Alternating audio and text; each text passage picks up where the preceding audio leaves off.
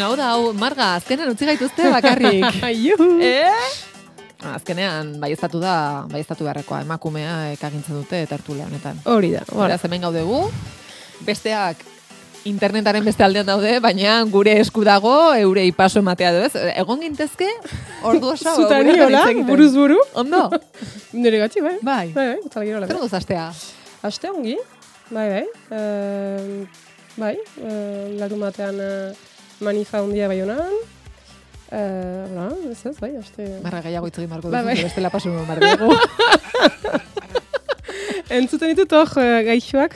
Daude hor, ah, Ai, eh, eh, ah, be, hor da, Ai, be, ai, eh, eh, eh, eh. Segi, segi, segi, esan ez dute gai zeatela. Ba, segi, segi lasai. venga, Gai gara badakizue, gai garela, soberan gainera. Segi, segi, segi. A ber, eh, gaizka, ez hasi horrela ollo, eh? Hola, estilo hortan jartzen, ze gero badakizu zer gertatzen den. Gero kontra etortzen horretan zaizu. deskubrit, deskubritu dut pikati xamara naizela, eh? Aspaldi eta hori deskubritu dut azken aste. Eta batez ere erronkakin eta hasiganetik neko Bai, bai. pikatia naizela. Ai, Bai. Bai, bai. astero.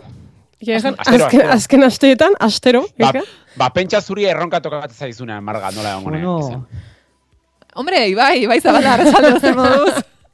kaixo, kaixo, hemen hartzalde hon. Ondo? Uf, oi hartzun eta guzti. Bai, bai, zer zaude, eh? Ondo, Kobazulo batean? Ondo esan bihar.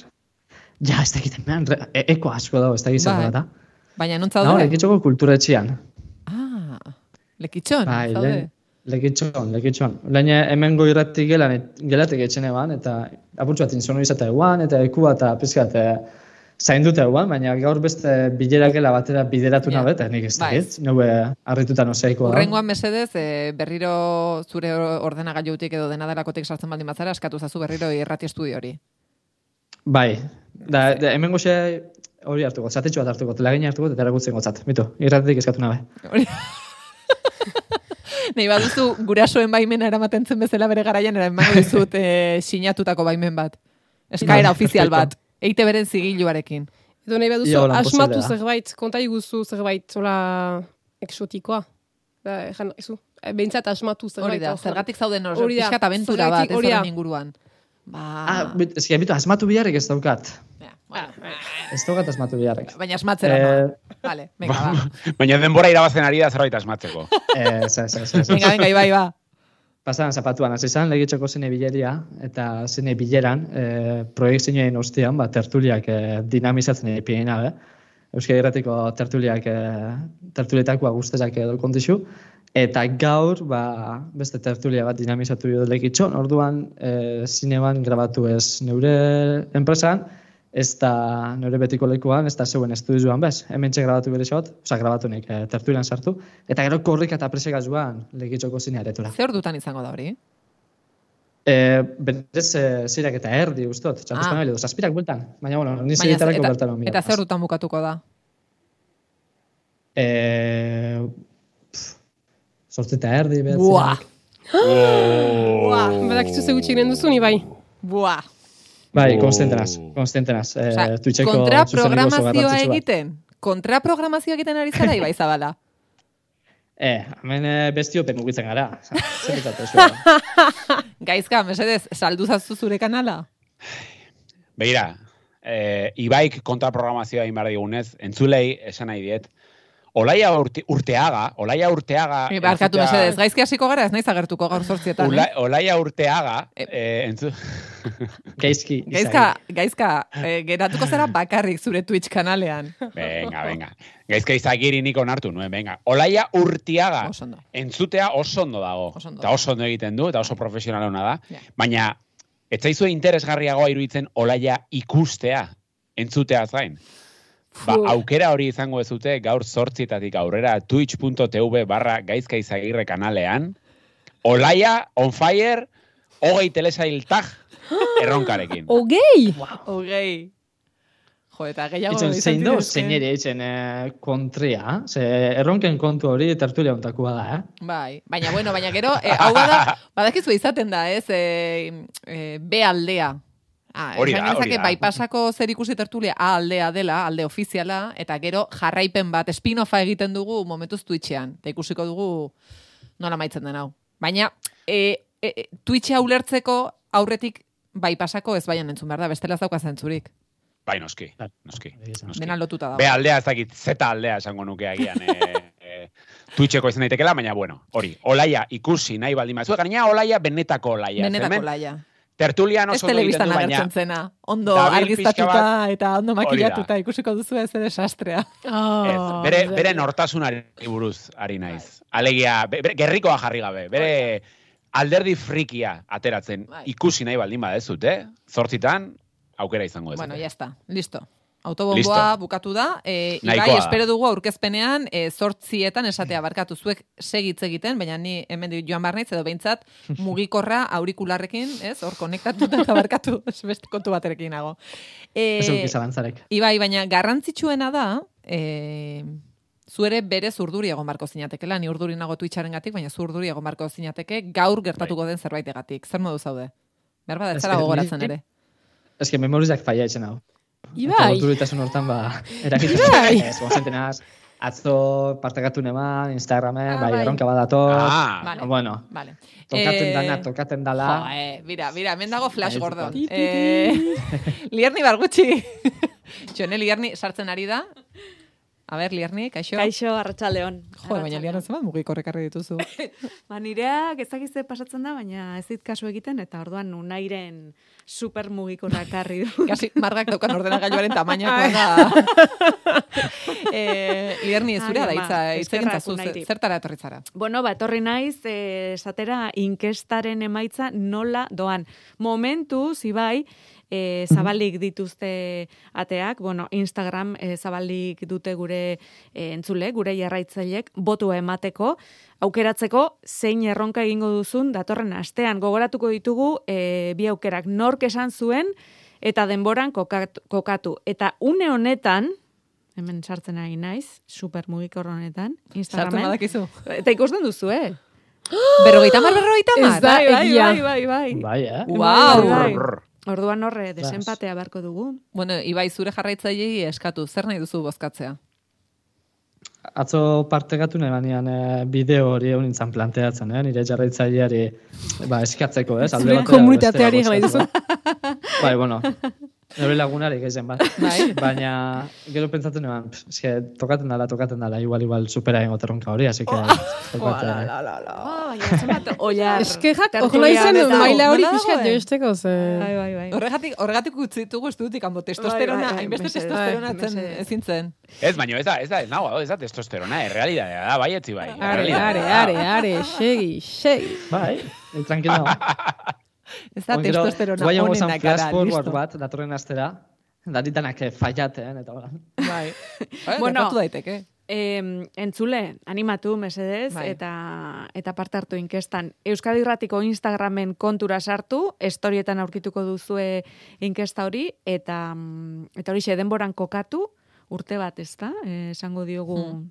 hau Bai. aukeratzekotan ibairi, eta hiru film edo telesail aukeran, eta bestea nork esan zuen, ba, esaldi bat entzun, eta asmatu beharko du telesail bateko pertsonaia batek, edo politikari, edo beste celebrity batek esan ote zuen. Hori da.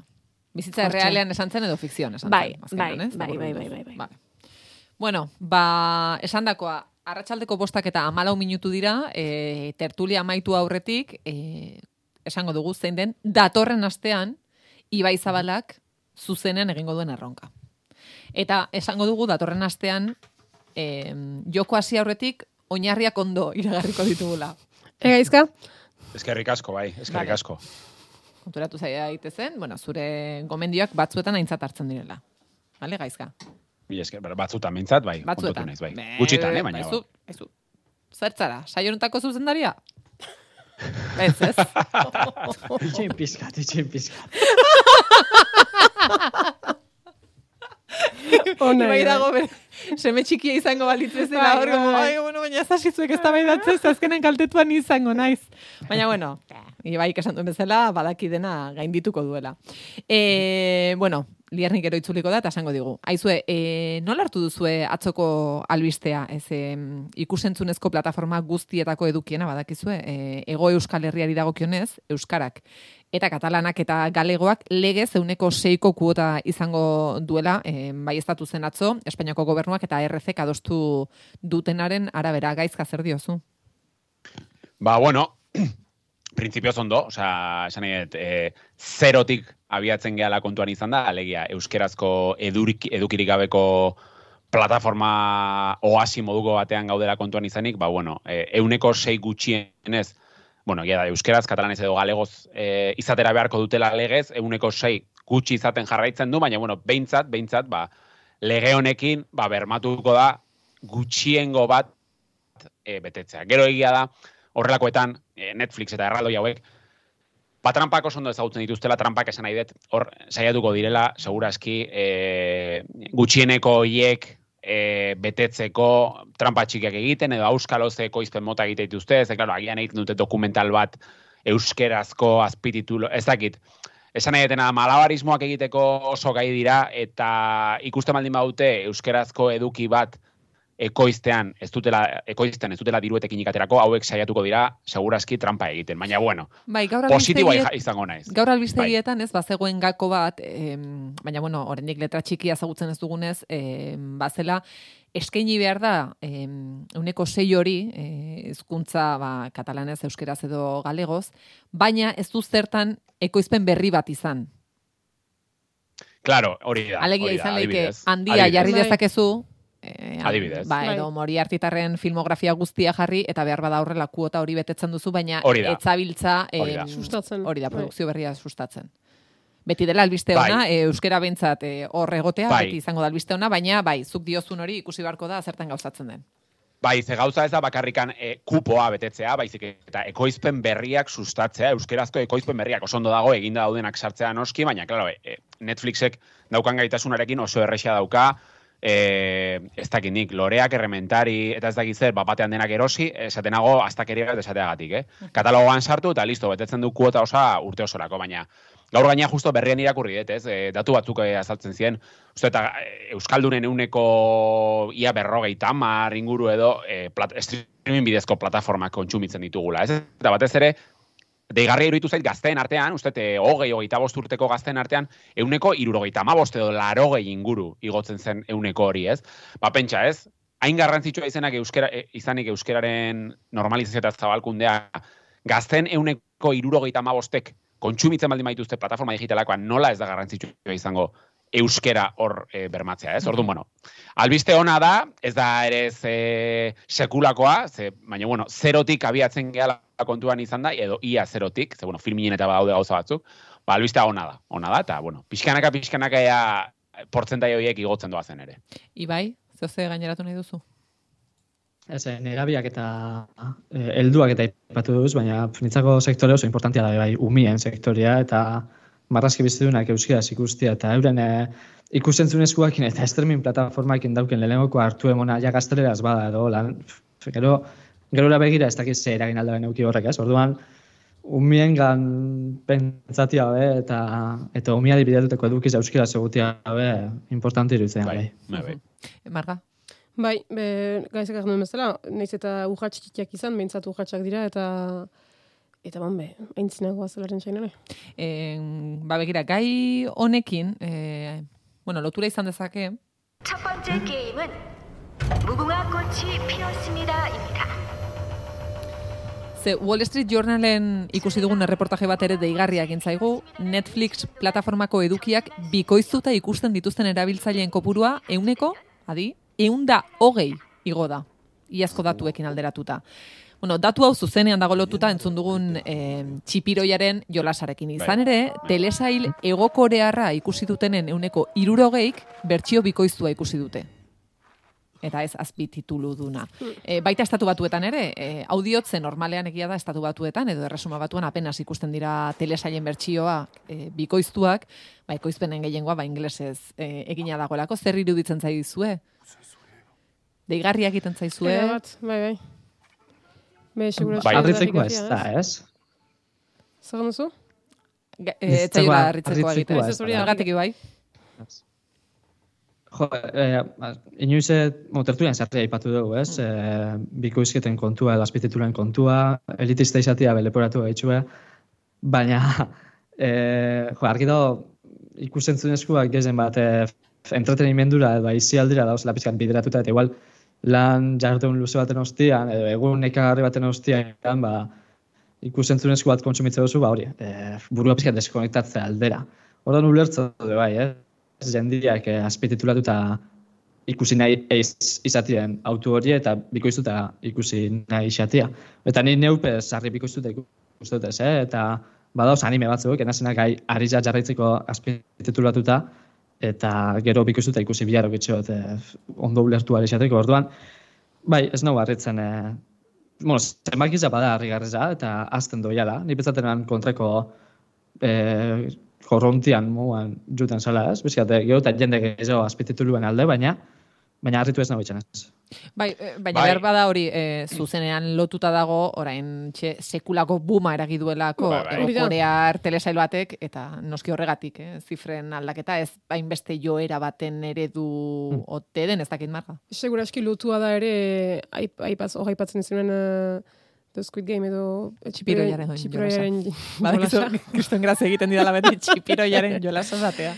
Txipiroiaren jokoarekin, uh, ez dakit analizatzen ze publikok begiratzen uh, eduki hori ere, baina agian ez, ez dela baita espada, fe, frogatzen dela bintzat, dela ez dela baita espada, uh, bertxio biko iztuak, uh, edo, uh, bertxio hori inelak bakatu, begiratzeko ohitura duen publikoa, iduriz.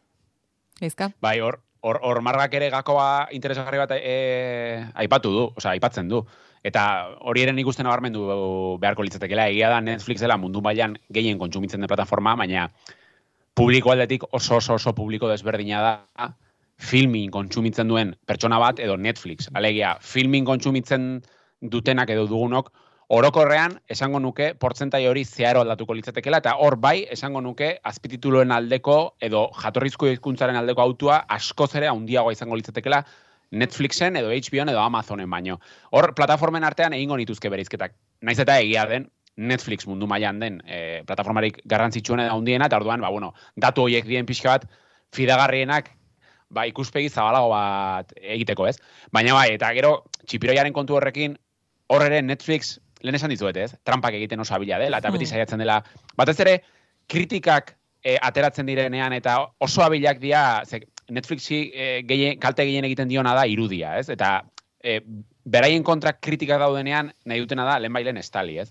Eta ez dakik gogoratzen zeaten, baina e, txipiroiaren tele, nire dire kostatzen zaite, eh? txipiroia. Txipiroiaren telesaia atera zeranean, egon ziren kritika batzuk, e, Espainiar itzultzaile askok e, kritikatu zuzten nola, e, bueno, sektore horrek ze prekarietate bizi duen Netflixen, ze Netflixek erabiltzen du, e, ba, alik eta eduki azkarrena e, bikoizteko, oza, azpitula jartzeko software automatiko bat, edo inteligentzia artifiziala duen software bat irabiltzen du, orduan, ba, txapuza nahiko galantak egiten dituzte, ez? Da, orduan, hor, ateatzen ziren pixkat, edo desestalizian, ba, sektore horretan dagoen prekarietatea, e, ba, e, pertsona falta dagola, eta bar, eta bar, ez? Orduan, justo kritika horiek atera, eta bapatean atera dira datu hauek, eta Netflixek egingo dula postua bikoizketaren alde, eta bar, eta bar, eta bar, ez? Orduan, bueno, Ni badakizu ez, zenean iritzia, ni badakit nazi xamarra naizela, baina ni hemen... Ez ez dugu soaki.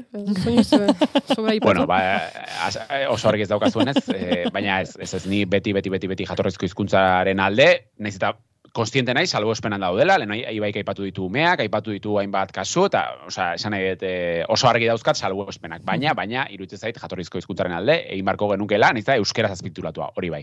Baina bai, azkenan, pentsa, eh, zenbat aste dara magun txipiroiari buruz hitz egiten, bai. gauza bat ez baldin bada, bestea bai, da, baina. Egia da. Mm. Bueno, ba, ez gustatu, eh? ba, listo, Baino? txipiroia alde batera utziko dugu, bai, eta guaz, zuen gomendiokin ze badakigu ez dagoela The Squid Game zuen gomendion artean. Marga, zurekin hasiko gara, bihar emakumen aurkako indarkeriaren kontrako eguna da, eta zuk ekarri diguzun edukiak badu ez, e, zer ikusirik indarkeria bai. matxistarekin. Uh, Trailerra jara entzungo dugu lehenengo edo zeo zesan nahi duzu? Bai, be, bai, ustut hori zela introdukzio aproposena. ba, orduan, hori baldin bazen introdukziorik aproposena, entzun dezagun trailerra?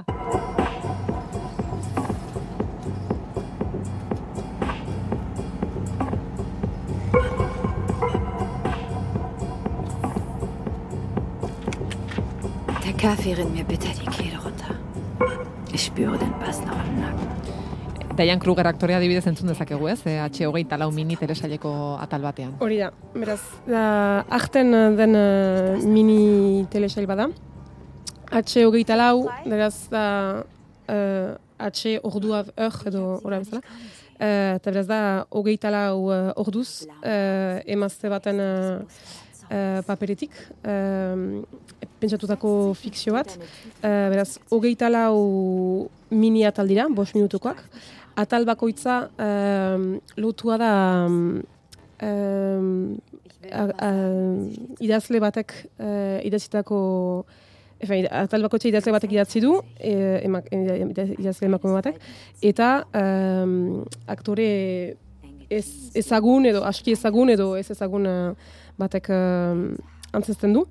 Beraz, hogeita lau ordu dira, ordu bakoitzaren zat atal bat, eta atal bakoitza uh, idazle bat, uh, aktore bat. Eta hor, uh, aipatzen genituen um, um, bertsio originalean ikusteko efen ikustea. Um, Europak uh, um, artista kolektibo batek egin du hori, beraz badira uh, atal batzu uh, gazteleraz, bat, italieraz, uh, alemanez, uh, orrentzuten dugun zara. Um, beraz, hainbat izkuntzetan dira, eta eraz, ustut garantizua dela, denak, beraz, itetorrezko izkuntzan ikusten aldirela, um, uh, sei hizkuntzetan uh, azpititulatuta uh, arten. Beraz, hori da alde pixkatora teknikoa, teknikoaren uh, aldetik. Um, eta gero edukiaren letik, niri biziki azkarra eta sakona iduritu zaidana da, erabat murgiltzen gaituela uh, fikziorek, uh, hainbat historio erabat desberdinekin, hau da, ez da egun berdin bat uh, bainan dira uh, egun batean gerta daitezken uh, hainbat gertakari. Uh, garrantzitsu dena azpimarratzeko da gertakari uh, atal bakoitza egiazko bizipenetan edo gertakarietan oinarritua dela. Um, beraz, be, aipatzen, badira, holako ahots anistasun bat, uh, aipatzen ziber jazarpena, uh, presio soziala, belduja, uh, bortxaketak, ba, holako eraso panel izugarri hori. Uh, Horrentzun dugun lehen, uh, lehena, beraz, goizeko zazpitan hasten da, Dian Krugerrekin. Uh, Jan Krugerrek uh, gorpuzten duen emazteak uh, autobusa hartzen du, gau ez uh, lan egin behi du, gau guztian lan egin behi du, eta um, lokartzen da autobusan. Eta bere ondoan den uh, gizonak, uh, bera sotzen du, ez dut uh, keiago behanen. Uh, aski biziki modu finean egin nada, uh, monologoak direlako, uh, bakarrizketak dira, um, eta maiz, gehi kasik beti, um, aktoreak ditu egiten uh, pertsonai, uh, hau da, bera, emazte gisa, eta bera, bere erasotzailea. Eta bada olako uh, konstrukzio bat, zinez, uh, be, bizitas, bai, goza, erreala, do, bilakatzen duna. Eta hor zinez eh, ikusten da literatura eta zinema txertatzen direla, uh, hizkuntzak bere, bere garrantzia edo zinez uh, uh, dolako. E, Aipatzen diren, erakusten diren uh, fikzio edo atalde jordin horietan, uh, maitatu duna da, aski anitza dela ez delako beti um, ondorio berdina. Badira, be bai emazteak biktima gisa eta be sumatzen efe hoien bizitako bortizkeria hori uh, be ora e, sumatzen da be minori, beldur hori, eta eta ba, badira zailak ikuste, ikusteko zailak diren irudi batzu. Baina badira ere adibide batzu nun, nun emaztea alduntzen den, nun erantzuten duen. Uh, eta ustut garantzitu dela, holako adibideak ere erakustea, holako fikzioa, fikzioak ere hortarako balio baitu, uh, eta beha diaz, karrika, montu karrika batean, uh, gizomatek emazte bat uh, jas, erosatzen du, segitzen du da, eta erantzuten dio. Berak, endera berak hartzen du, ez ditu begiak jausten. Uh, eta beraz, olako hori ere erakustea garantzitu da. Eta beraz, bada olako uh, azkenean uh, koherentzia bat uh, ahots desberdintasun uh, horietan. Eta aipatu ditut, jandut, aktore aski ezagunak bazirela, beraz, Jan Krieger aipatu dut, kamikoten ere, aipat, aipatu dut maiz. Um, Espainolez den, um, Espainolez den, um, bat bidu, uh, ek, atalean Susana Baitua agertzen da. Uh, Noemi Merlan ere, Noemi Merlan aipatua izan dugu uh, uh, Portrait de la jeune fille en feu uh, uh, uh, filmean agertzen baita. Bon, uh, Anaiz de Moustier, fin, uh, idazletan ere badira Chloé Delhomme edo um, Laura hainbe- enfin, badakit, pertsona hola, enfin, maitutu e, proiektu hori, be holako aizpatasun handi bat bezala e, imaginatzen dut, eta, eta, eta beraz, uh, uste dut, e, e, be, ikustekoa dela. Emazte gisa, nahi dut, e, e, abisatu, be, hogeita lau orduietan e, identifikatua sentituko za, zarela, e, hori ikusten baduzu. Uh, eta eta seguraski beberrezkoa da, ulako adibideak erakustea. Em, ikustea aipatzen ari zara, arten, ikusgai Bai. dago, hegoaldean ikusi dezakegu. Bai. Hortako aipatzen dut, eta hortako dut, uh, sei hizkuntzata, sei hizkuntze, hizkuntzatan dira azpitituluak, eta badare gaztelerazko, euskaraz ez, horreinik ez, eh? Baina uh, gaztelerazko azpitituluekin uh, ikusi daiteke. Beraz, uh, H hogeita lau, Bai. e, benetan, egia da, nerila ikusteko gogoa sartu bai, zaidala. gainera, enfin, aski, erreski, erreski edo, ez, gai, ez, bai demoragatik, ez gaiagatik, baina aski fitik ikusten alda, eta, eta justuki hori da, ustez ongi da, Europak, Europak, um, azkenan Europa eh, proiektu bat edo kolektu bat dela. Baina ez dute, ez dute jan, Natali Maduran eta Valeri Urgearen uh, oiek dira zuzendariak. Beraz, uste dut, oien izenak Ba hori, margaren gomendioa, e, entzun dezagu ibairen trailerra eta jakingo dizue segituan gomendioa, ez gomendioa edo erdibideko zerbait den. Why are you here? We don't have anywhere to sleep tonight. So you're homeless. I had a home and then we left it. Ibairen gomendioa. Call the cops now. It's not too late. Beno, say Ibaik anything ikusi du eta indarkeria matxistari buruz hitz egiten ari garela ere atal horretan ere sartu genezake telesailau. E, Ibai, zergatik da Bai. gomendioa zuretzat? Bueno, eh, egiz esan ez dut eh, miniserie bada, hamar kapituloz soilik osatzen da baina landa bezin isaut bukatu, ez dut asterik eh, gaurko bukatzeko. Baina ez dut uste iritzitza asko aldatuko da. Nek, eh, pf, gomendioa da, beraz seriziak ondo funtzionatzen da belako, hasieratik, osea ikusentzunezko linguaian ondo, baina gero tratatzen da beren e, gaiak, e, tratatzen da besen modua etxipe bai. Hemen e, Mate serizian, e, gazteleraz la asistenta serizian, e, ikusten dugu e, Alex, deitzen den e, protagonistien ikuspuntutik bizitzen dugu bertako errutina bat. Egiz esan ez da, seriziak kontatzen da beren historia ez da, holan, esoiko histori bat, edo, bastante rutina oikua kontatzen dau, e, baina indarkeri, genero indarkeri da jasaten da ben emakume baten ikuspuntutik. Lehen kapitulua mm, argi izten da hori, lehen kapitulotik etxe batetik ieska agertzen da gure protagonistia Alex, bere zenarragatik e, ieska, e, bizen artean dauken alaba bateaz. Eta momentu hortan ikusten da, pizkat, e, ba, indefensa moduan, e, egoera hortan daun pertsona batek realitatearen kon aurrian e, topaten den moduan, ezta? E, Zer jontan ikusten da, zelan, indarkeri, genero indarkeri jasaten den emakumeak, e, bueno, zer jontan ikusten da, bere lagunen gana juten dela igual laguntza eske, eta justo lagunak bere zenarraz partekatzen dituzen lagun berak dira, eta ez dago ikusten apoio bat, eurengan, e, familizan beste ikusten, apoiorik, e, bera bizitzen dagoen egoera horretan laguntzeko, eta inkluso instituzioa pe, e, e, ez dakit hemen zelan funtzionatuko da, baina estatu batutako instituzioen dakit kritika bat mugan be azaltzen da, zelako, ez dakit, metodo eskasak dizen, edo zelako egoeratara, e, egoera pasara zibiar daen, olako egoeratan dauzen e, emakumeak, ez da.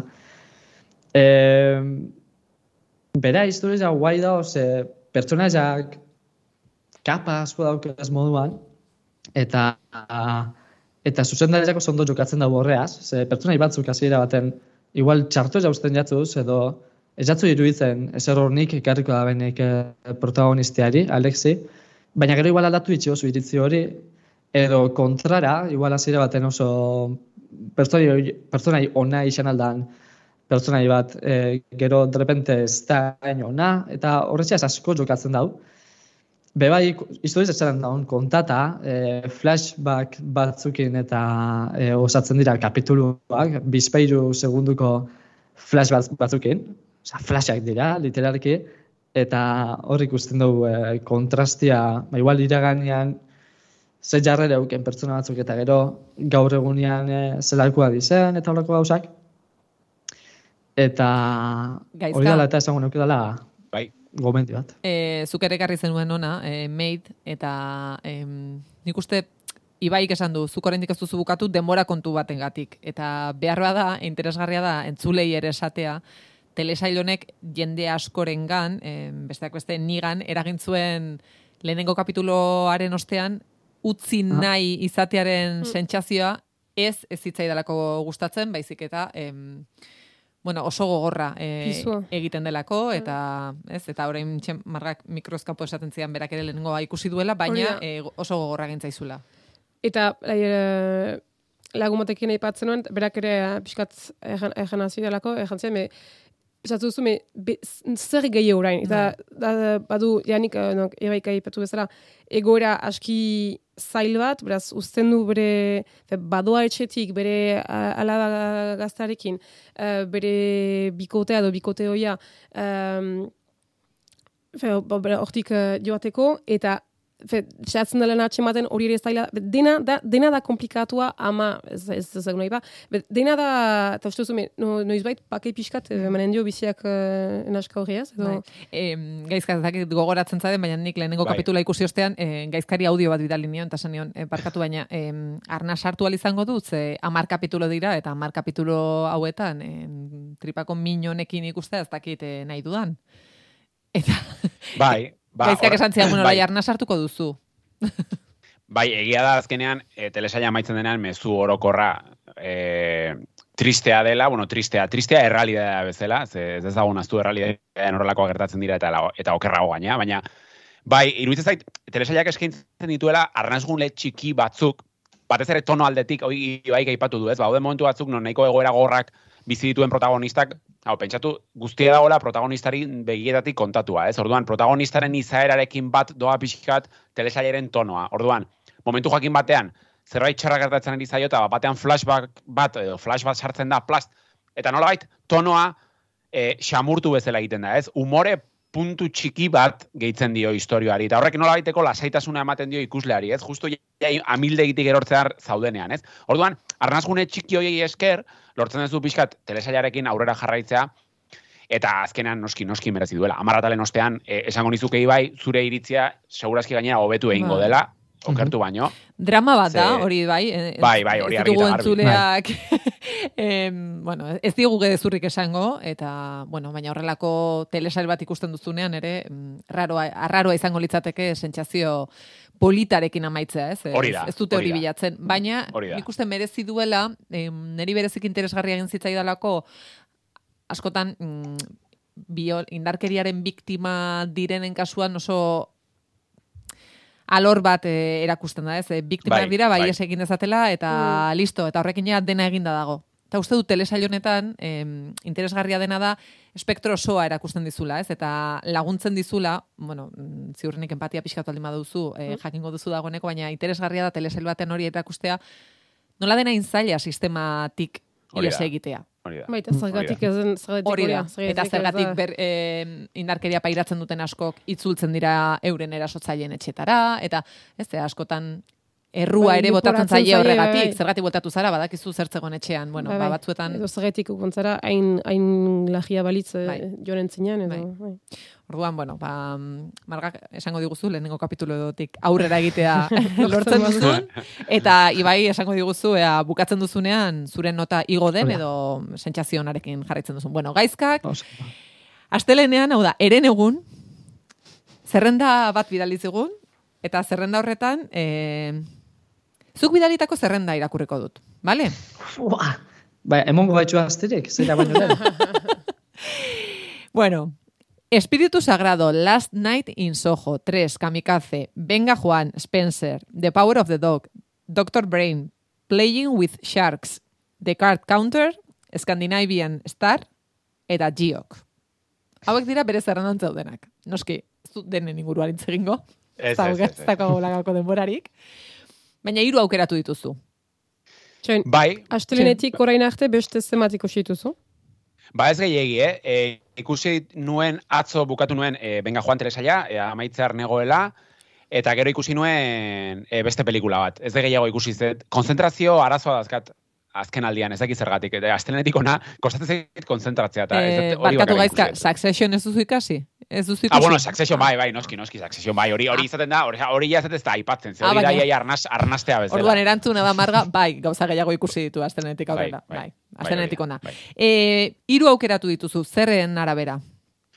Ba, bueno, batez ere, e, interesgarriak irutu zaizkialako hirurak eta oso oso desberdinak beraien artean. Hiru proposamen oso desberdin direlako. Ze besteen artean agian antzekotasun gehiago zauzkaten, orduan erabakiet bizkat hiru proposamen desberdinek hartzea. Vale, bueno, hasiko gara Espiritu Sagrado filmarekin.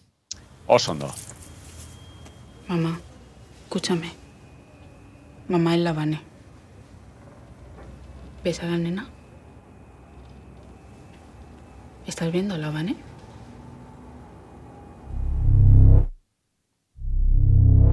Y ya son 32 días que no sabemos nada de la pequeña Vanessa. Y desde aquí le damos un fuerte abrazo y apoyo a toda su familia, a todos sus seres queridos. Bueno, egia esan, eh, leku guztietan agertu da Txema Garzia Ibarrak zuzendutako lan hau, eh, eta maixulana dela ere irakurri dugu, batean eta bestean. Zein da zure iritzia? Ba, maixulan ez dakit, baina maixulan izatetik oso gertu, hori bai. Eta zalantzari gabe aurten ikusieten Espainiar e, pelikularik onena, bereziena, e, deskriba ezinena, arraroena, e, en, okurri zaizkizuen ena guztiak sartuko nituzke. E, sortea izan dut hau ikusteko, ze, bueno, e, feroz sarietarako Txoin, eta... txoin, txoin, gaizka, gaizka, gaizka, gaizka. Txoin, Bai. txoin. Adi, Ah, vale. gaizkaren rankina.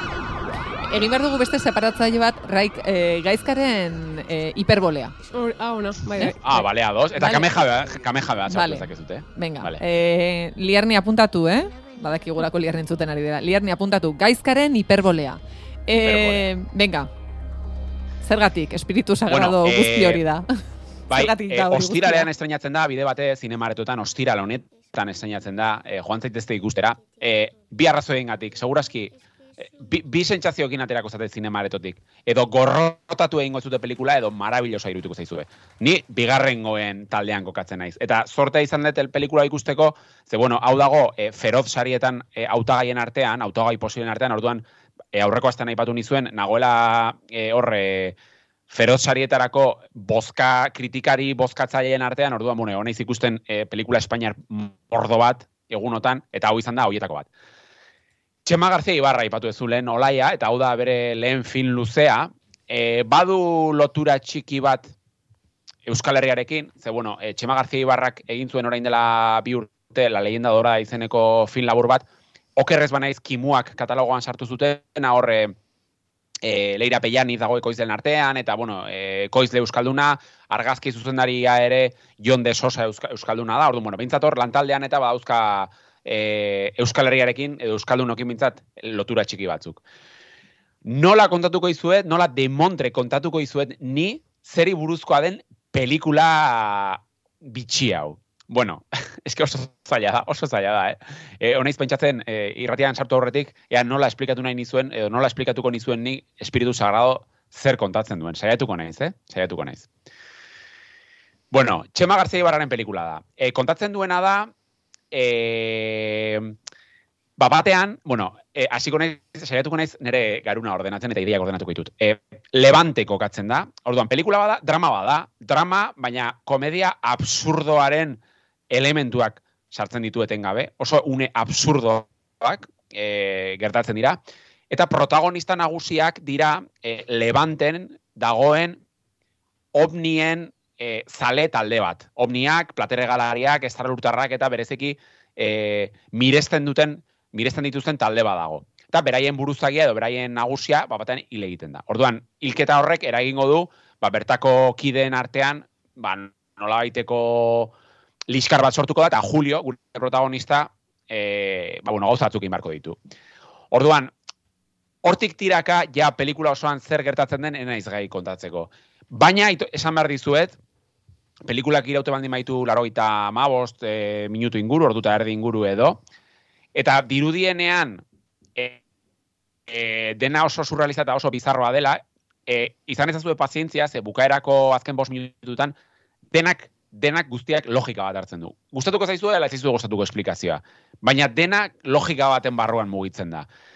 Eta iruditu zait, e, ba, ez dakit martziana da, sailka ezin, tragiko, divertigarri, zoragarria, eta hasieratan esan, hasieran esan duten bezala, eta gaizkaren hiperbolea urrengorako gorde. E, 2008 batean ikusieten Espainiar pelikularik onena, baina nabarmen, eh? nabarmen. El buen patron izan zen agian gehien gustatu zitzaidan honen atzetik, edo aurretik, baina espiritu saga bezalako pelikulak, jo, geroz eta gehiago gustoko ditut. Osea, e, gora arriskua, gora proposamen ausartak, e, eta bai, bai, nazkadutan nago pixkat tarteko bidean geratzen diren proposamenekin, ez? Eta espiritu sagrado da, ba, geroz eta indar gehiagorekin aldarrikatzen duten zinema mota. Espiritu sagrado. Ostiralean e, zinema aretoetan. Ostiralean zinema aretoetan, eta noski gaizak dagoeneko ikusi duena zer, bai? Pentsat esan birbala, espiritu sagrado. Ostia. Txorra bat. bueno, guazen urrengo aukeratu duen urrengo dukiarekin.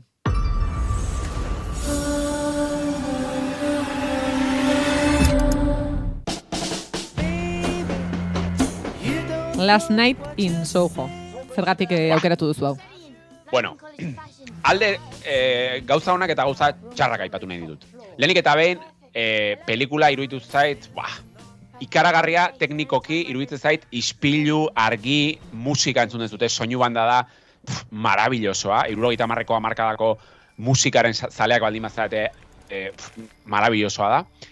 Ispilu, argi, musika, e, hoien arteko joko psikologiko zoragarri bat, zuzendaria da Edward Wright, e, Edward Wright famatu egin zen, zuzendu zuelako Corneto trilogia, ez dakit Corneto trilogia ezagutzen dezuten, baina hau bitxikeria moduan Corneto trilogia deitzen zaio, e, bueno, pelikulak nahiko ezaguna dia, dia e, gaztelera, bueno, Zombies Party, Arma Fatal eta hirugarren naiz gogatzen, gauza da, e, berak tono ari dagokionez lotzen duela pelikula bakoitza kolore batekin edo zapore bakoitza e, batekin. Eta beha nola oso korneto zalea den elatuarena, ba, lotzen du pelikularen tono bakoitza ba, kornetoren zapore batekin.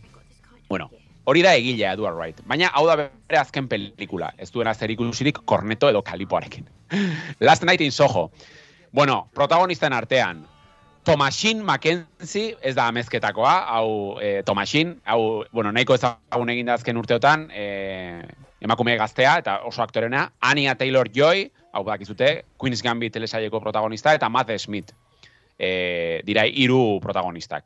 Eta kontatzen duena da, Tomasin Mackenzie, da moda, moda ikasle bat, e, Inglaterrako herriska txiki batean bizi dena, Eta ematen diote beka bat e, Londresen ikasteko. Orduan, e, neska e, ba, biziki emozionauta jutzen da, eta bar. Eta bueno, ba, hor konturatzen da, ba, hainbeste idealizatu zuen bizitza edo ikasle bizitza hori Londresen, Sohon eta bar, ba, ez dela berak uste zuen bezain zoragarria.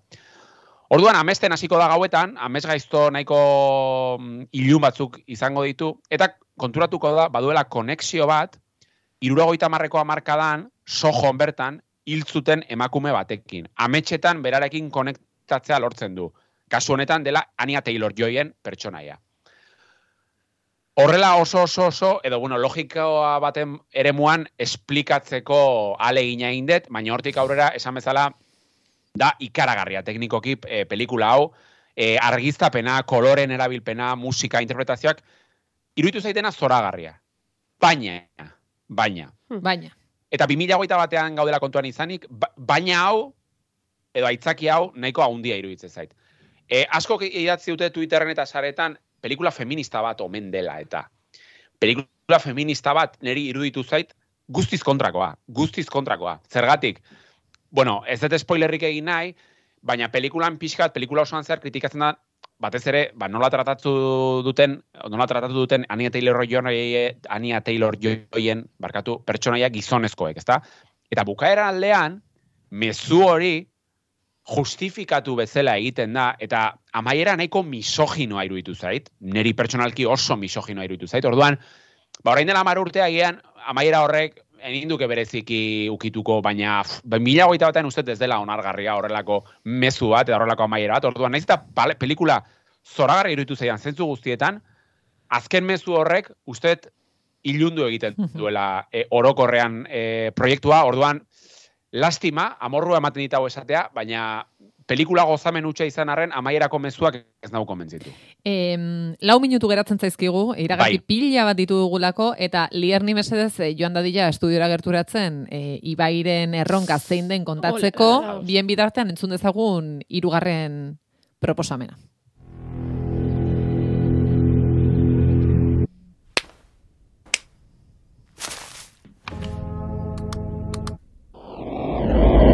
¿Qué pasa?